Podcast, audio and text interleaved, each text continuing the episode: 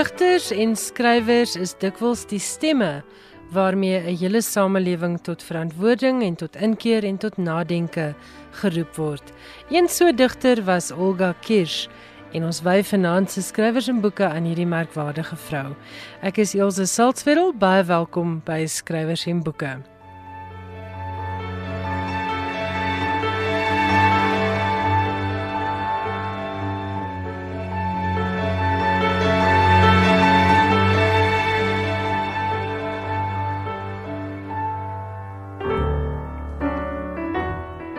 Ons gaan die orde van vanaand se program net so bietjie verander sodat alles lekker uitwerk en daarom gaan ons nou begin met Johan Meiburg wat by my in die ateljee is. Johan, baie welkom en ek sien jy spring weg met 'n bydrae oor die wenner van die Man Booker Prys. Ja, die Noord-Ierse skrywer Anna Burns is verlede week aangewys as wenner van die Man Booker Prys. Burns het die seëge behaal met haar derde roman, Milkman, 'n roman wat beskryf word as donker, eksperimenteel en as 'n uitsonderlike uitdaging. Kwame Anthony Appiah Sameroeper van die beoordelaarspaneel het in die verband die boek vergelyk met Snowden, die hoogste berg in Wallis. Milkman is soveel van 'n uitdaging om te lees as wat dit 'n uitdaging is om Snowden uit te klim, het hy gesê. Maar die uitdaging is heeltemal die moeite werd omdat die uitsig van bo af so verruklik is. Dit is deurendeur die moeite werd om deur te druk met die boek, het hy gesê. Dalk omrede die vloei van die taal en die feit dat die taalgebruik soms onbekend is, is dit nie 'n maklike leeservaring nie maar een wat ek dink gaan vassteek. Milkman gaan oor 'n 18-jarige naamlose meisie. Sy word net beskryf as die middelste suster wat getuister word deur 'n soort van paramilitêre figuur waarna verwys word as die melkman. Die roman speel af in Noord-Ierland en die agtergrond is die van die politieke onrus wat jare lank die streek oorheers het. In 'n onderhoud met die Booker Prys Stichting het Burns gesê Malkman is geïnspireer deur haar eie ervarings. Ek het groot geword in 'n plek waar geweld alledaags was en so ook agterdog en paranoia. Mense het in die tyd na hulle beste vermoë probeer oorleef. Na mate die melkman die middelste suster teiken, ontstaan gerugte wat onwaar is dat sy 'n verhouding met hom aangeknoop het. Maar sê die karakter, ek het nie 'n verhouding met die melkman nie. Ek het nie van hom gehou nie en ek was bang en verward deur sy pogings om 'n verhouding met my te begin. Ek weet nie wie die melkman was nie. Hy was nie ons melkman nie. Ek dink nie hy was enige iemand se melkman nie. Hy het nie bestellings geneem nie. Daar was geen melk aan hom nie en eintlik nie eers melk afgelewer nie, sê Burns se verteller oor die karakter. Oor die boek het Appie gesê nie een van ons verwysende na die paneel het al voorheen iets soos die gelees nie. Anna Burns se eie soortige stem bevraagteken konvensionele denke in verrassende en meesleurende prosa. Dit is die verhaal van brutaliteit, seksuele bedreiging en weerstand wat deurweef is met buitende humor. Na die prysoorhandiging met 'n prysgeld van net meer as 1 miljoen rand het die 56-jarige Burns oor haar skryfproses gesê: "Haar werk as skrywer is om daar en wakker te wees. Dit veronderstel 'n wagproses. Ek moet wag vir my karakters om vir my hul stories te vertel." Burns se eerste roman was No Bones van 2001 wat benoem is vir die Orange Prys en Little Constructions van 2007. Nou Bones word beskou as 'n belangrike bydrae tot die Ierse letterkunde en is al vergelyk met James Joyce se Dubliners, veral vir die manier waarop sy die alledaagse taalgebruik in Belfast vasvang. Het die Man Booker Prys nog invloed word ek wels gevra. Wel, direk na die aankondiging dat Burns die prys gewen het, het haar uitgewer nog 100 000 eksemplare bestel.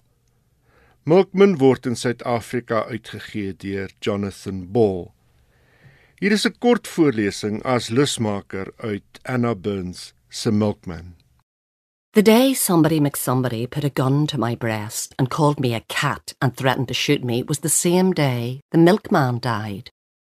He had been shot by one of the state hit squads, and I did not care about the shooting of this man.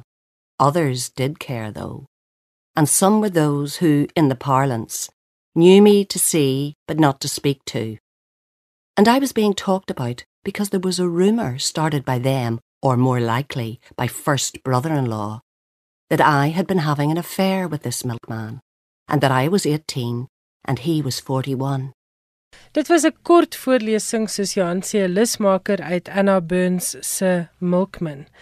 Johan ek het nou die aand 'n televisieprogram gekyk, sommer een van hierdie speurreekse met 'n uh, episode wat afspeel in Noord-Ierland in Belfast.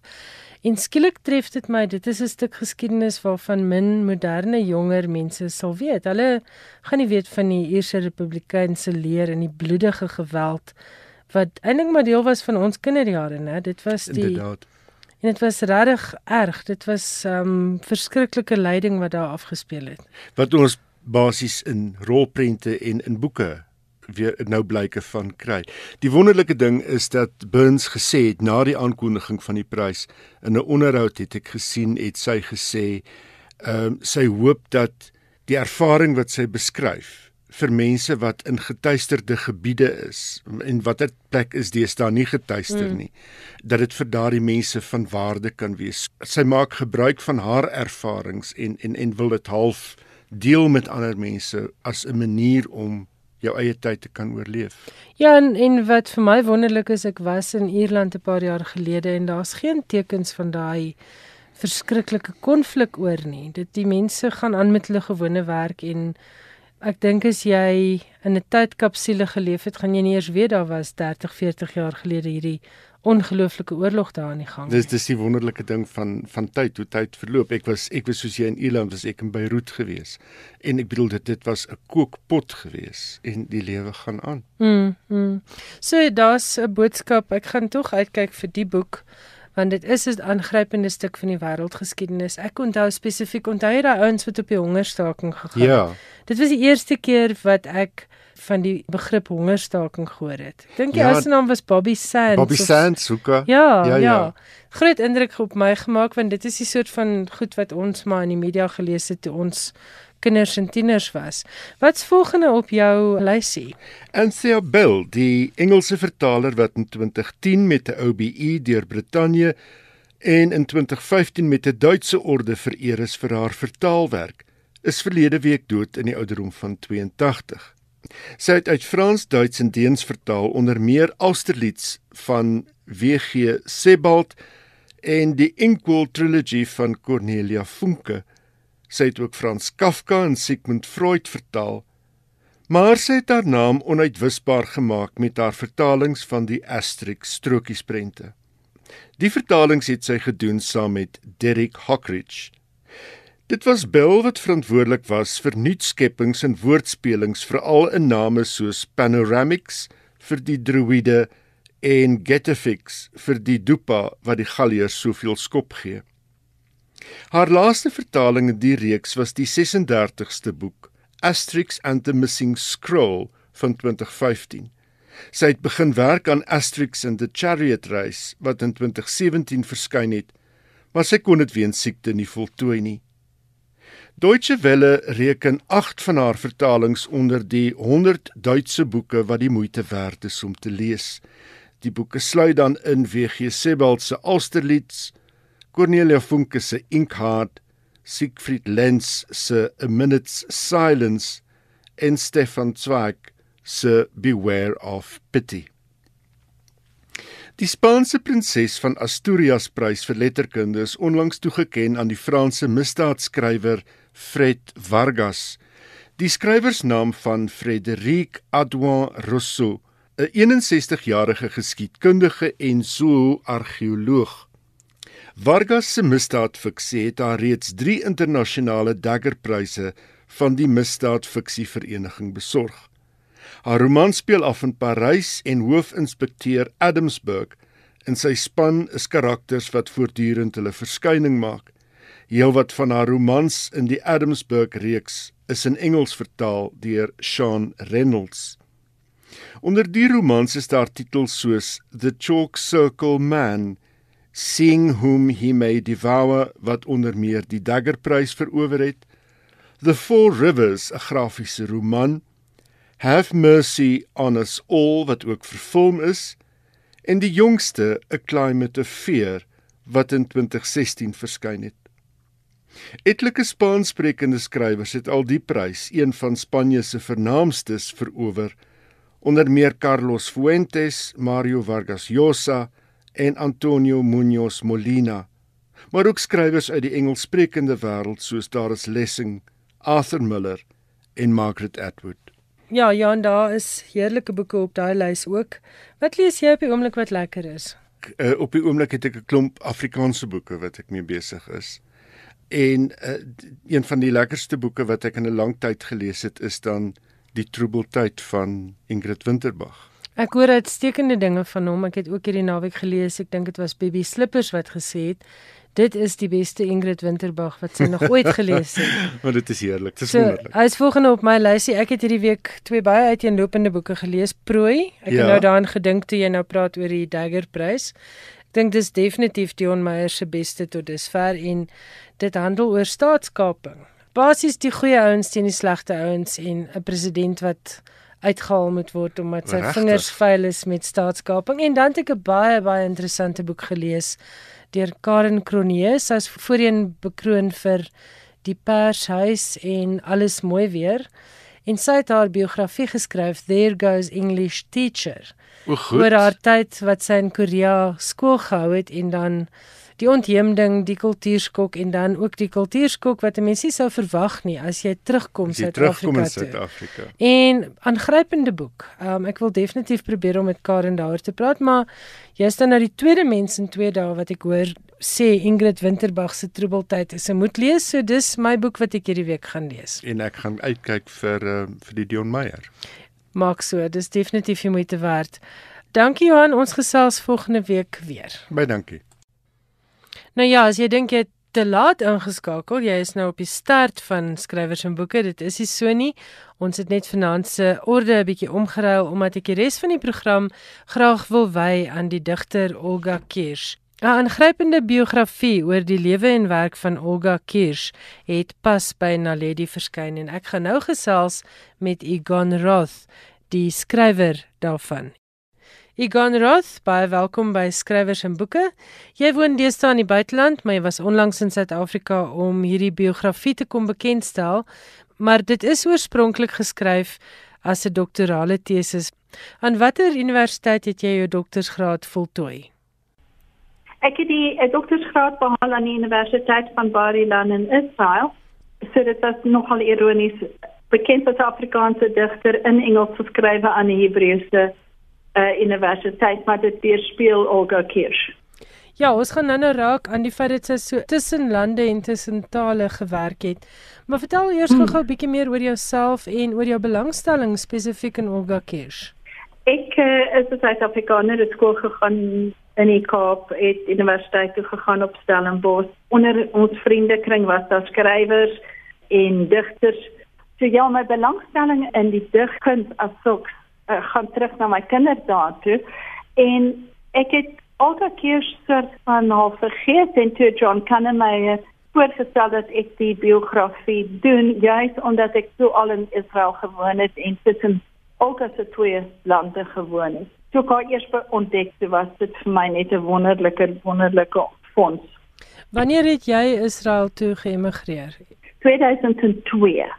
So jy het tyd gehad om 'n bietjie van haar leefwêreld goed te absorbeer voordat jy oor haar geskryf het. O ja, ja ja, ek het Jerusalem waaroor sy geskryf het meermale het ek goed geken. Ek het reg geword is natuurlik in die instituut waar sy gewoon het, die baie van instituut is ehm um, sentraal aan wetenskaplike onderrig en navorsing in Israel so ek het dit goed geken en ja ek het die land in die geskiedenis teen daai tyd goed geken. Goed, die biografie word uit alle kringe uitgeloof, letterkundiges sowel as gewone lesers skryf daaroor en praat daaroor.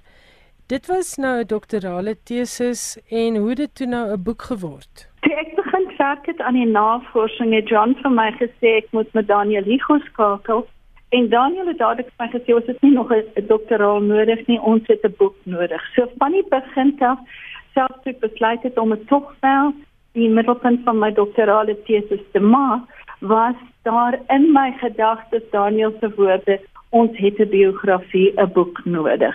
En Daniel was nou later ook ehm um, baie belangrik dat Naledi die boek uitgebring het. En hy was ook die vertaler van die Afrikaanse biografie, né? Ja, ja, en eers ek moet sê om saam met hom te gewerk het was heerlik. Ehm um, hy's 'n wonderlike vertaler soos almal weet maar hy is ook 'n wonderlike mens om mee saam te werk. Ek het baie geleer. Hierdie vertaling is bladsy vir bladsy amper saam gedoen. Hy het die vertaling gedoen, maar altyd vir my gevra, "Hoe voel jy hieroor? Wat van hierdie woord, wat van hierdie stukkie teks kan ons 'n bietjie hier verander?" So dit was 'n wonderlike samewerking. Dit was nie dat ek my boek weggegee het aan hom en hy dit weer teruggegee het nie. Dit was die hele pad wat ons saam geloop het. Goed, kom ons praat oor Olga. Sy is op Koppies gebore, die kind van 'n Litouwse immigrant, 'n Joodse man wat natuurlik veroorsaak het dat sy en haar broers en haar sussie hulle is gespot op skool omdat hulle Joodse kinders was. Neem ons 'n bietjie terug na Olga se leefwêreld. Uh ja, en Koppies was daar antisemitiese uh, gedrag. Ek het persoonlik met haar jonger broer gesels en ook met 'n skoolvriend van haar en beide mans het vir my vertel dat hulle regtig was soms swaar onderdeur geloop het, nie net gespot is nie, maar dat die seuns mee beklei is. Daar is swastikas op haar pa en op van die ander Joodse handelaars se winkels geskilder en so voort. So dit was baie teenwoordig want dit was natuurlik die 30er jare, né, die opkoms van Afrikaner nasionalisme en so voort. Ten spyte daarvan was sy van kindsbeen af geskool in Afrikaans. Haar ma en pa het Engels met mekaar gepraat. Waar vandaan dan die besluit om in Afrikaans te dig as dit 'n taal is wat eintlik haar derde taal was? Ilse, as 'n mens haar gedigte nou mooi deurlees, soos ek nou gemaak het oor en oor en oor, dan besef jy sy het 'n diep diep liefde vir die land gehad. Sy was 'n 'n dogter wat graag buite gespeel het, in die veld gaan loop het, saam met haar broers langs die Renoster rivier gaan speel het en geswem het in die rivier en so voort. So haar verbintenis met Suid-Afrika was eerstens deur die land en die land was verbonde vir haar aan die taal. So die twee speel 'n kritiese rol dwars deur haar lewe en dit is interessant dat sy ook gesê het vir haar dogter en die aan my vertel het dat Olga het gesê dat tot in 1975 het sy gereeld nog gedroom van die koppieslandskap. So Afrikaans was land. En sy het later ook geskryf iewers, ek kan nie presies onthou waar nie, dat sy in Hebreëus probeer dig het nadat sy toe al jare daar gewoon het, maar sy kon nooit regtig haarself en haar emosie so goed uitdruk daarin nie. Ja, maar weet jy daar wil ek vir jou sê die kritisie wat dit gesê het het haar altyd gekwoteer. Nie self haar Hebreëus gelees nie. En ek het die geleentheid gehad om ag Hebreëse gedigte van haar te vind by haar dogter. En ek het toe onafhanklike uh, Hebreëse lesers gevra om dit vir my te lees. En um, ek het twee stelle vertalings ook daarvan gehad wat ek gebruik in die boek en die Hebreëse lesers wat glad nie Afrikaans geken het nie, wat Engels magtig is, maar nie Afrikaans nie, ook geen verbintenis aan Suid-Afrika gehad het nie, het gesê die haar Hebreëse gedigte uh, lees nie soos vertalings nie, maar het werklike elegansie en 'n uh, ingebondenheid wat 'n mens ook in baie van haar Afrikaanse digte kry waar sy uh, uh, woorde baie spesifiek en baie aktueel gebruik. En dan wil ek ja. vir jou vra, sy het op 'n stadium ook in Engels begin dig. Wat was die rede dat Afrikaans toe agterweë gebly dink jy? Toe sy weg is uit Suid-Afrika, was daar kort voor haar vertrek 'n geweldige negatiewe, ek sou sê gemeene aanval op haar gemaak deur 'n kritisie met die naam van Greshof en dit het haar geweldig afgesit en toe het sy haar die moed verloor dink ek om in Afrikaans te vertaal dit is ook wat sy aan G.A. Watermeyer 'n ander kritisie aan die tyd gesê het maar sy het toe in Engels gedig en ek het kort op 200 ongepubliseerde Engelse gedigte ontdek en dan het sy in 66 wel uh, gepubliseer in Amerika deel van 'n groot gedig 'n wonderlike wonderlike mooi epiese gedig En in daai tyd het beide Jan Rabie sowel as Elizabeth Eybers by haar in Israel gekuier.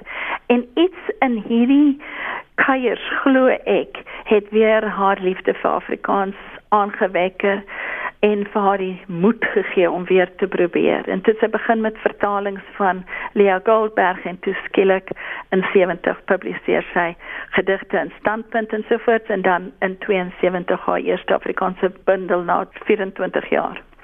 Sy is saam met Elizabeth Eybers en Sheila Cousins die derde vroue digter wat vanuit die buiteland nog steeds in Afrikaans geskryf het. Behalwe vir dit, wat is die bydrae, die grootste literêre bydrae volgens jou wat Olga Kirsch gemaak het vir Afrikaans en in Afrikaans? Die die bydrae wat alom erkenning vind is dat sy is die enigste Afrikaanse uh, Joodse digter. En ek dink dit is baie belangrik en ek dink dit is vandag meer belangrik as ooit dat ons erkenning gee aan digters wat uit ander Sheila Cousins was was rooms-katoliek maar sy was nog meer verbonde aan die Afrikaanse opset as wat uh, Olga was.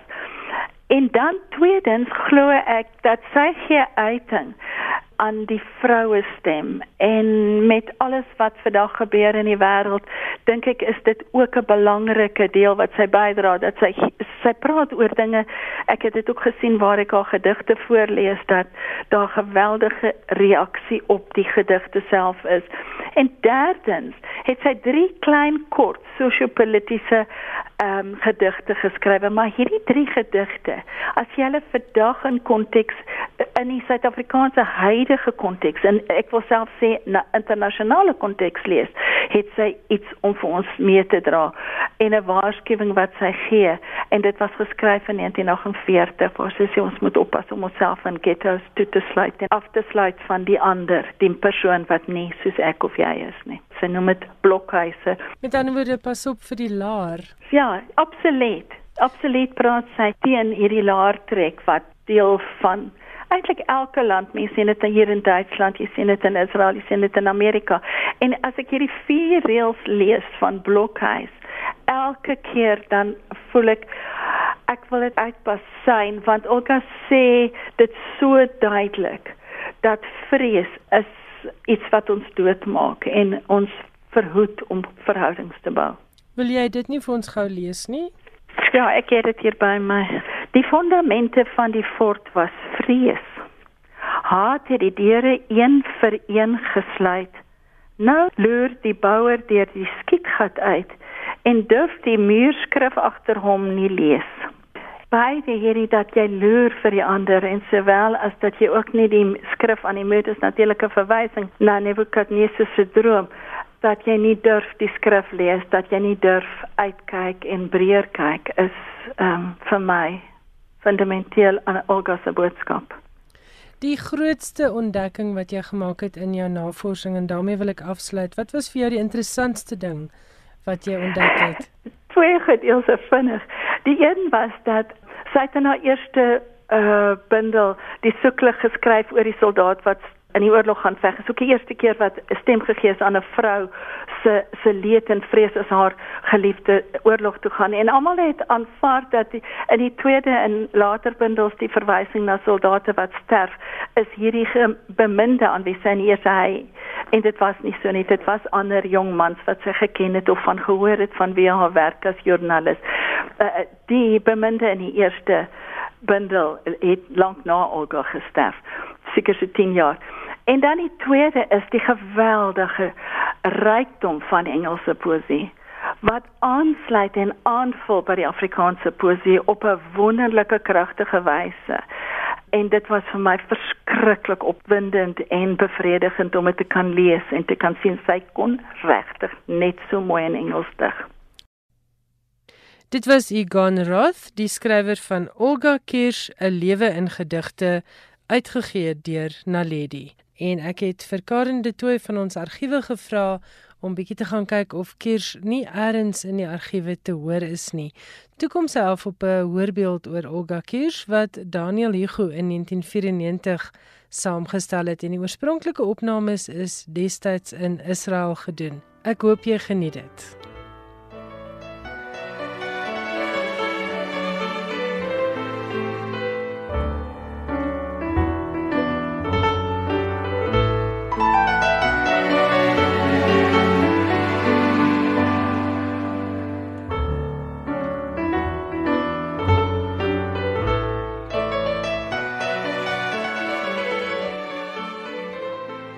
Die eensame hemele van my kindertyd. God was aanwesig in hul dag en nag. Hy het in hul bloutes wolke wit soos kruit gestapel. Aanbeeldtoppe. Die hamerslag van somerdonderweer terughou totdat geen wese asemhaal, geen voel durf roer. Van ster tot sitterende ster het hy sy magtige meetkunde uitgesprei oor die swart vlak. Met sy smal weerlig lat het hy 'n nagte van rukwind en remoer my oë getuister waar ek lê omring van engele. O veilige omsingeling. Bo in die stormwolk God die almagtige. Op 23 September 1924 is Olga Kiers in 'n Joodse gesin op Koppies in die Oranje Vrystaat gebore. Ek weet nie eintlik wat die geskiedenis van my vader se aankoms in Suid-Afrika is nie. Ek dink hy het ehm um, voor die uh, Eerste Wêreldoorlog daar aangekom uit ehm um, Litouwe. Maar hoe hy op koppies aangeland het, weet ek glad nie. Miskien was daar mense van sy uh, dorpie in Litouwe wat hom gesê het dat koppies 'n plek is waar mens nog 'n winkel kan oopmaak. Al my gegevens grens aan die miskien.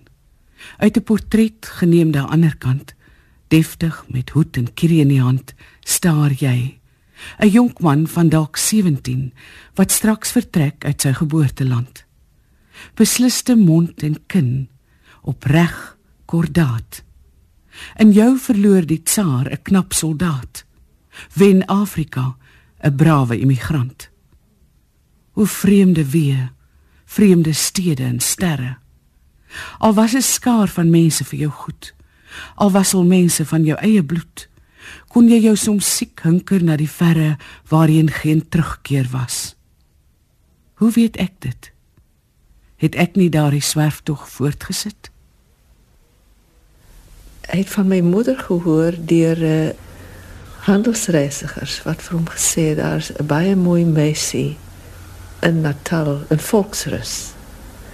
En uh, dis nie moeite werd om na volksrus te gaan en uh, met haar kennis te maken. Dit is wat hij gedaan heeft en, uh, en hulle is uh, getrouwd.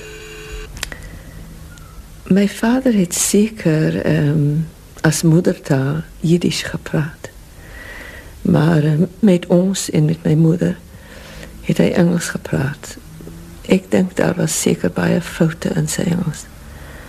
En hij heeft ook Afrikaans uh, gepraat, maar ook met een accent. En misschien met fouten. Ik onthou hem niet baie goed niet. Want ik was twaalf toen hij gesterven heeft. Maar ons huistaal was Engels.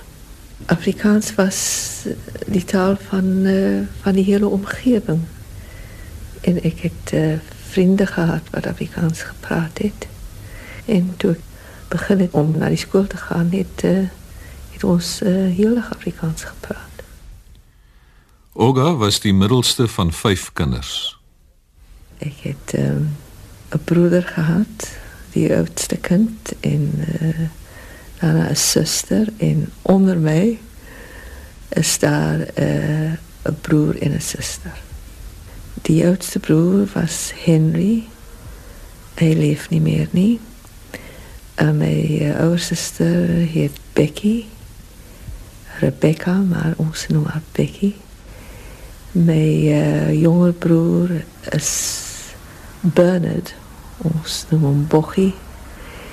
En die jongere zuster is Jeanette. Baba. en allemaal het begin school gaan op koppies? Ja, ons het allemaal naar school gegaan. Uh, in elk geval ik heb net uh, tot 12-jarige ouderdom naar school gegaan. Daarna was ik in Bloemfontein op school bij Unici. Maar um, mijn oude broer en zuster heeft uh, matriek gemaakt in Kopies. En mijn jonger broer en zuster heeft matriek gemaakt in Johannesburg, waar ons later gaan wonen. By Unisie was die uh, taal Engels. Hoekom het jy dan begin Afrikaans skryf? Ek weet nie, ek het baie daaroor nagedink. Miskien omdat ek uh, die kind van 'n immigrant was en omdat ek wou behoort aan uh, aan die omgewing waarin ons uh, gewoon het. Ek dink dit is min of meer beskryf in een van die sonnette vir my vader. Omdat ek my geskaam het vir jou spraak wat in twee vreemde tale vreemd gebly het. Omdat ek my met alle wag wou maak soos kinders van die plek wat ek beny het aan wie die land en haar geskiedenis behoort by wyse van geboortereg wat nie die kragte van die hart verkwis met dagliks die geveg weer oor te veg. Omdat jy besig was min by die huis met son op uit selde voor donker terug en afgemat en afgetrokke tuis aan tafel min gesprek en geen gerug. Omdat die stryd om brood jou oë streng en ver gestel het het ek jou skaars leer ken. Ons hele gesin het uh, in Johannesburg gaan woon en uh, ek het uh, begin om op Wits te studeer. Ek was in die begin 'n mediese student en ek is nog jammer dat ek nie daarmee volgehou het nie. En daarna het ek uh, geskiedenis in uh, Afrikaans Nederlands studeer. In 1944 debuteer Olga Kirsch op 20-jarige ouderdom met die digbundel Die soeklig. Ek onthou dit met opwinding. Maar ek was ook baie bang vir die kritisie. En was hulle te vriendelik? Ek weet nie meer nie. dit moet jy self uh, ondersoek. Uit die gedigte in haar tweede bundel, Mure van die hart van 1948, blyk dit dat Olga polities baie bewus was, veral wat betref die Joodse saak, die sogenaamde sionisme die wandelende Jood. God het sy volk veroordeel tot die vuur, masjiengeweer, gaskamers en die graf. Hy het ons saamgeskaar in kerk en skuur en met die witkalk en die vlam bestraf. En enkeles het uit die puin herreis, krank en geknak, met oor wat die dood se starre niksheid dra en weer gereis deur vreemde lande na die moederskoot. Die eeuwenoude pelgrimstog hervat met skuifende voete en geboe skouers. Maar aan die einde van die pad het een hul weggewys met trae oë.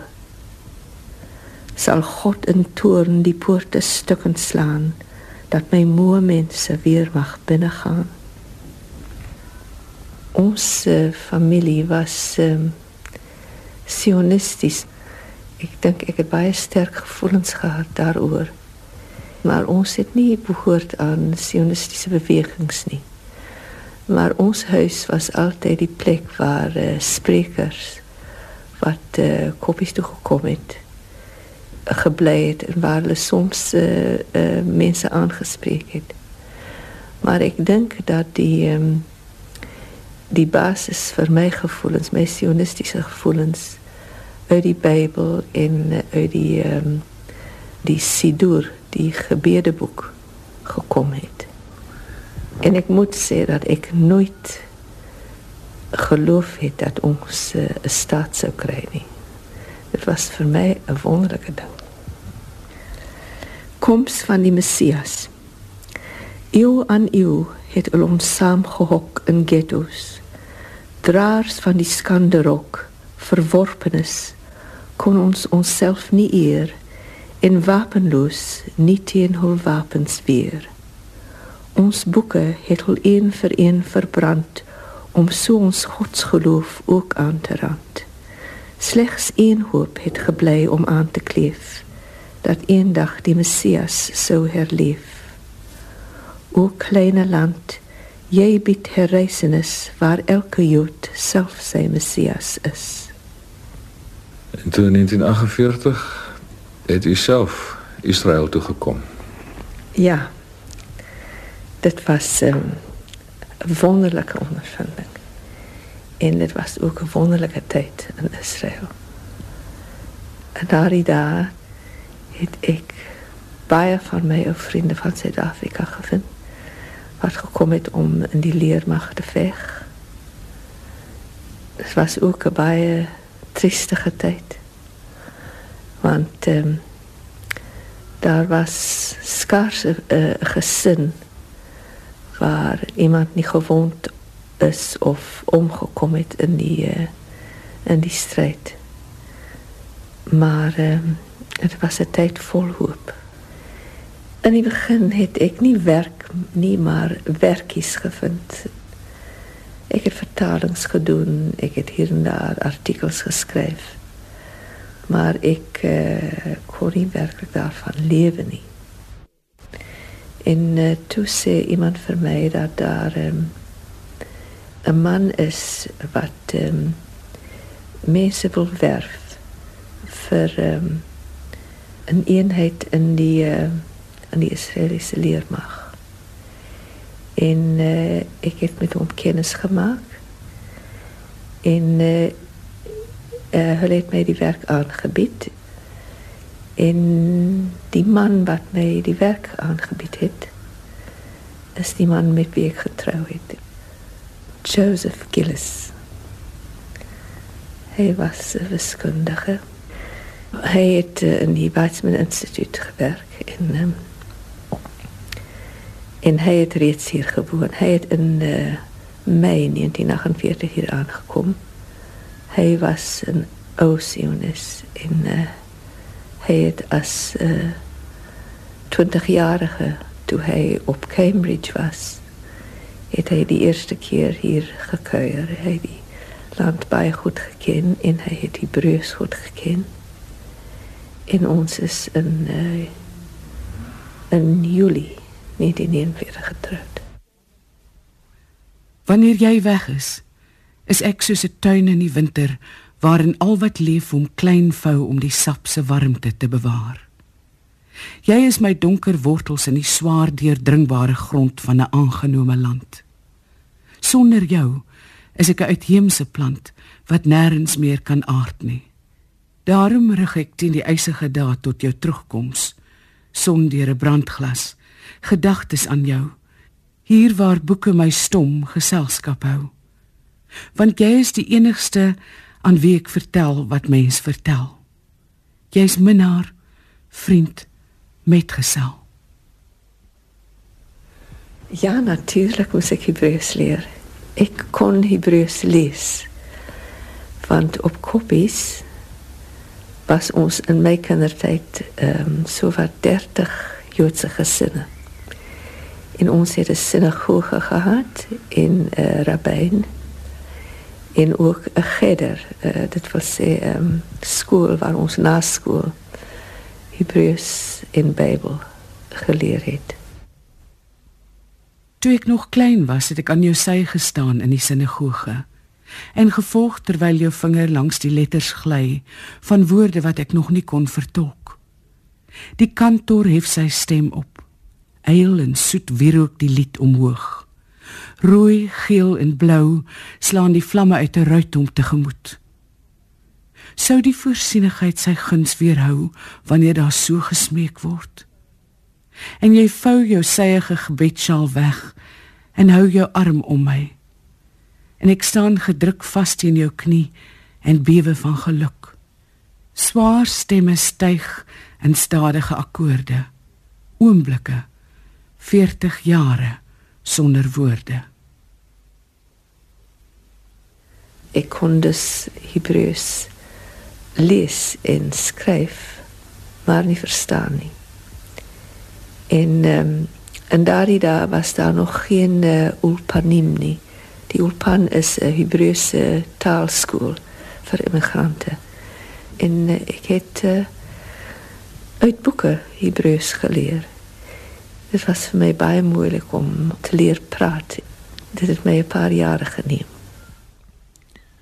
Op Rehovot, waar sy sedert 1949 woon, is haar twee dogters ook gebore. 'n Vers uit die bundel 19 gedigte handel oor een van hulle by die aantrek van 'n nuwe kleed. Purper en donkerblou en helder rooi het heerlik saamgevloei in hierdie weefstof vir 'n winterdag. En my grootdogter gaan geklee daarin, vol grasie en vol pragt, 'n jong vorstin. Trots is haar hoë bors, haar hals gerond en fors, haar hoof 'n kroon. Welwillendheid en vreug volg haar waar sy beweeg, stralend en skoon. Hoeveel geslagte het gebuk, gevlug om die smal brug, die tenger brug van bloed en been en vlees oor donker waters van die nie meer wees vir haar te bou. Hoeveel geslagte het my kind behou met hulle vrees, sodat sy nou mag gaan geklee in sekerheid van gees. Die land is vol waarskuwing. Wat sal ons maak? Ons sal maar aanhou lewe en mag God haar gun dat sy in vrede gaan in vrede kom dat sy in vrede groei en bot en blom sy en haar saad en hulle sin en hulle sin. Ons het probeer om met hulle Engels te praat sodat hulle 'n tweede taal sou hê. Maar dit was baie moeilik. Dit was aan die een kant was dit teen die um, tydgees hier. Want um, in die eerste jare van die staat was daar baie sterk gevoelens teen die Engelse en uh, derhalwe teen Engels en ek onthou dat uh, ek eenmaal met uh, my oudste kind sy was nog baie klein in die straat Engels gepraat het en iemand het uh, vir my gesê, "Hoe kan jy met jou kind Engels praat? Praat Ivriet." Maar die kinders self uh, was nie baie geïnteresseerd in Engels nie en uh, hulle het uh, slegs Engels goed aangeleer toe ons 'n jaar in uh, Amerika deurgebring het. En hulle het my altyd verwyd dat ek hulle nie Afrikaans geleer het nie. Het jy ooit in Hebreëus geskrywe?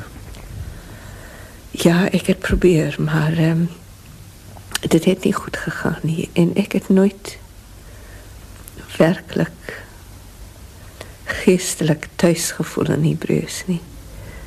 Toe ek besluit het dat eh uh, dit nie in Hebreëus sal gaan nie, het ek ehm uh, weer in Afrikaans begin probeer skryf. Was dit moeilik om weer in Afrikaans te skryf? Ja, dit was vir my baie moeilik. Nadat Mure van die Hart in 1948 verskyn het, swyg sy dan ook 24 jaar lank voordat 19 gedigte in 1972 die lig sien. Ek dink ehm dat omdat baie van die klanke van uh, Afrikaans en Hebreëus eners is, nie al die klanke nie, maar baie van hulle. Was ek nie altyd seker watter taal ek gebruik nie. Ek onthou dat uh, seun van die Hefer my besoek het nie lank uh, nadat ek hier aangekom het, miskien 2 jaar of 3 na my aankoms hier. En um, ek kon nie met hom Afrikaans praat nie. Ek kon werklik nie met hom Afrikaans praat nie. Hy wou dit eers nie glo nie. Ek moes hom dophou om te sien watter van die twee tale ek praat. Sedert haar vertrek uit Suid-Afrika in 1948 het sy haar geboorteland slegs by 3 geleenthede besoek. In 1975 met die Taalfees, in 1979 by geleentheid van die Afrikaanse Radiodiens se boekeveiling en in 1981 om haar siek moeder vir die laaste keer te sien.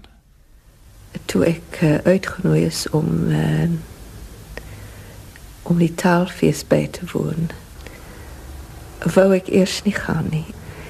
Ek moet sê dat ek uh, in die begin uh, verskriklik verlang het na Suid-Afrika en ek was in die begin bang om terug te gaan want ek ek het gedink dat as ek teruggaan sou ek miskien daar bly en ek het geweet dat dit vir my 'n blyk van swakheid sou wees want ek het tog besluit dat ek nie daar moet woon nie. Maar um, ek wou Suid-Afrika weer sien en ek wou baie graag weer koppies sien en ek was bly dat ek dit gedoen het. Ek het baie lank gewag want uh, toe ek Suid-Afrika verlaat het was dit eintlik vir my moeilik om daar te woon. Ek onthou dat um, die verhoudings tussen wit en swart my so gepla het dat um, toe die bode aan tafel my iets gegee het en ek die binnekant van sy hand gesien het wat vir my so teer en hulpeloos gelyk het. Ek so sleg gevoel het. Ek dink dit was selfs 'n 'n element in my besluit om om Suid-Afrika te verlaat. Gedagtewisseling. Klein donker meitjie, waarheen is die reis deur Kaalboom winterstrate? Huis, paleis. Waar gaan jy in jou kortmou flenterrok nou dat dit skemer word? Pondok varkhok. Want ek gaan huis toe. Buite is dit koud, maar binne vroetel vlamme aan die hout. Staan die gedekte tafel wit en net en wag die sagte warmte van my bed. Hoe sê jou donker oë dan? Jy wis dat God die God van blanke kinders is ek kon eenvoudig nie sien hoe om verandering aan te bring nie. Ek het hierdie gedigte geskryf, uh, gedagtewisseling en uh, Witman aan Swartman in die blokhuis. En ek het gevoel dat ek niks meer daaraan kon toevoeg nie. En um, ek het goed geweet dat ek nie 'n ondergrondse vegter is nie. En toe besluit ek dat uh, ek die kragte wat ek het aan Israel moet wy. In Israel skryf Olga Kiers altesaam 5 Afrikaanse digbundels. Roye tuin van 1983 was haar laaste.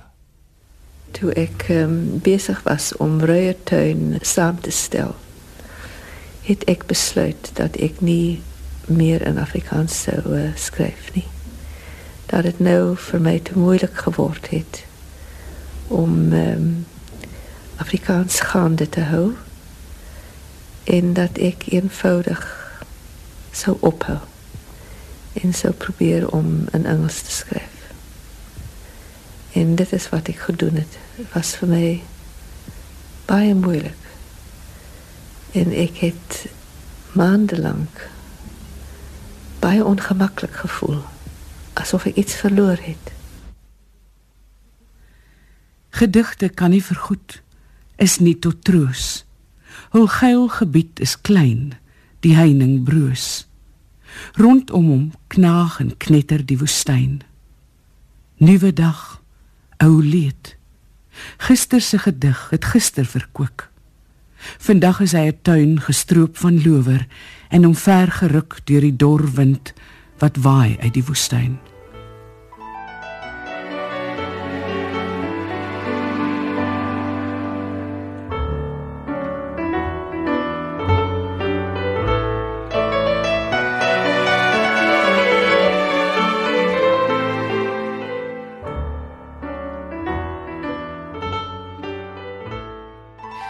Was dan dele uit 'n dokumentêr wat Daniel Hugo in 1994 saamgestel het oor die lewe en werk van Olga Kirsch.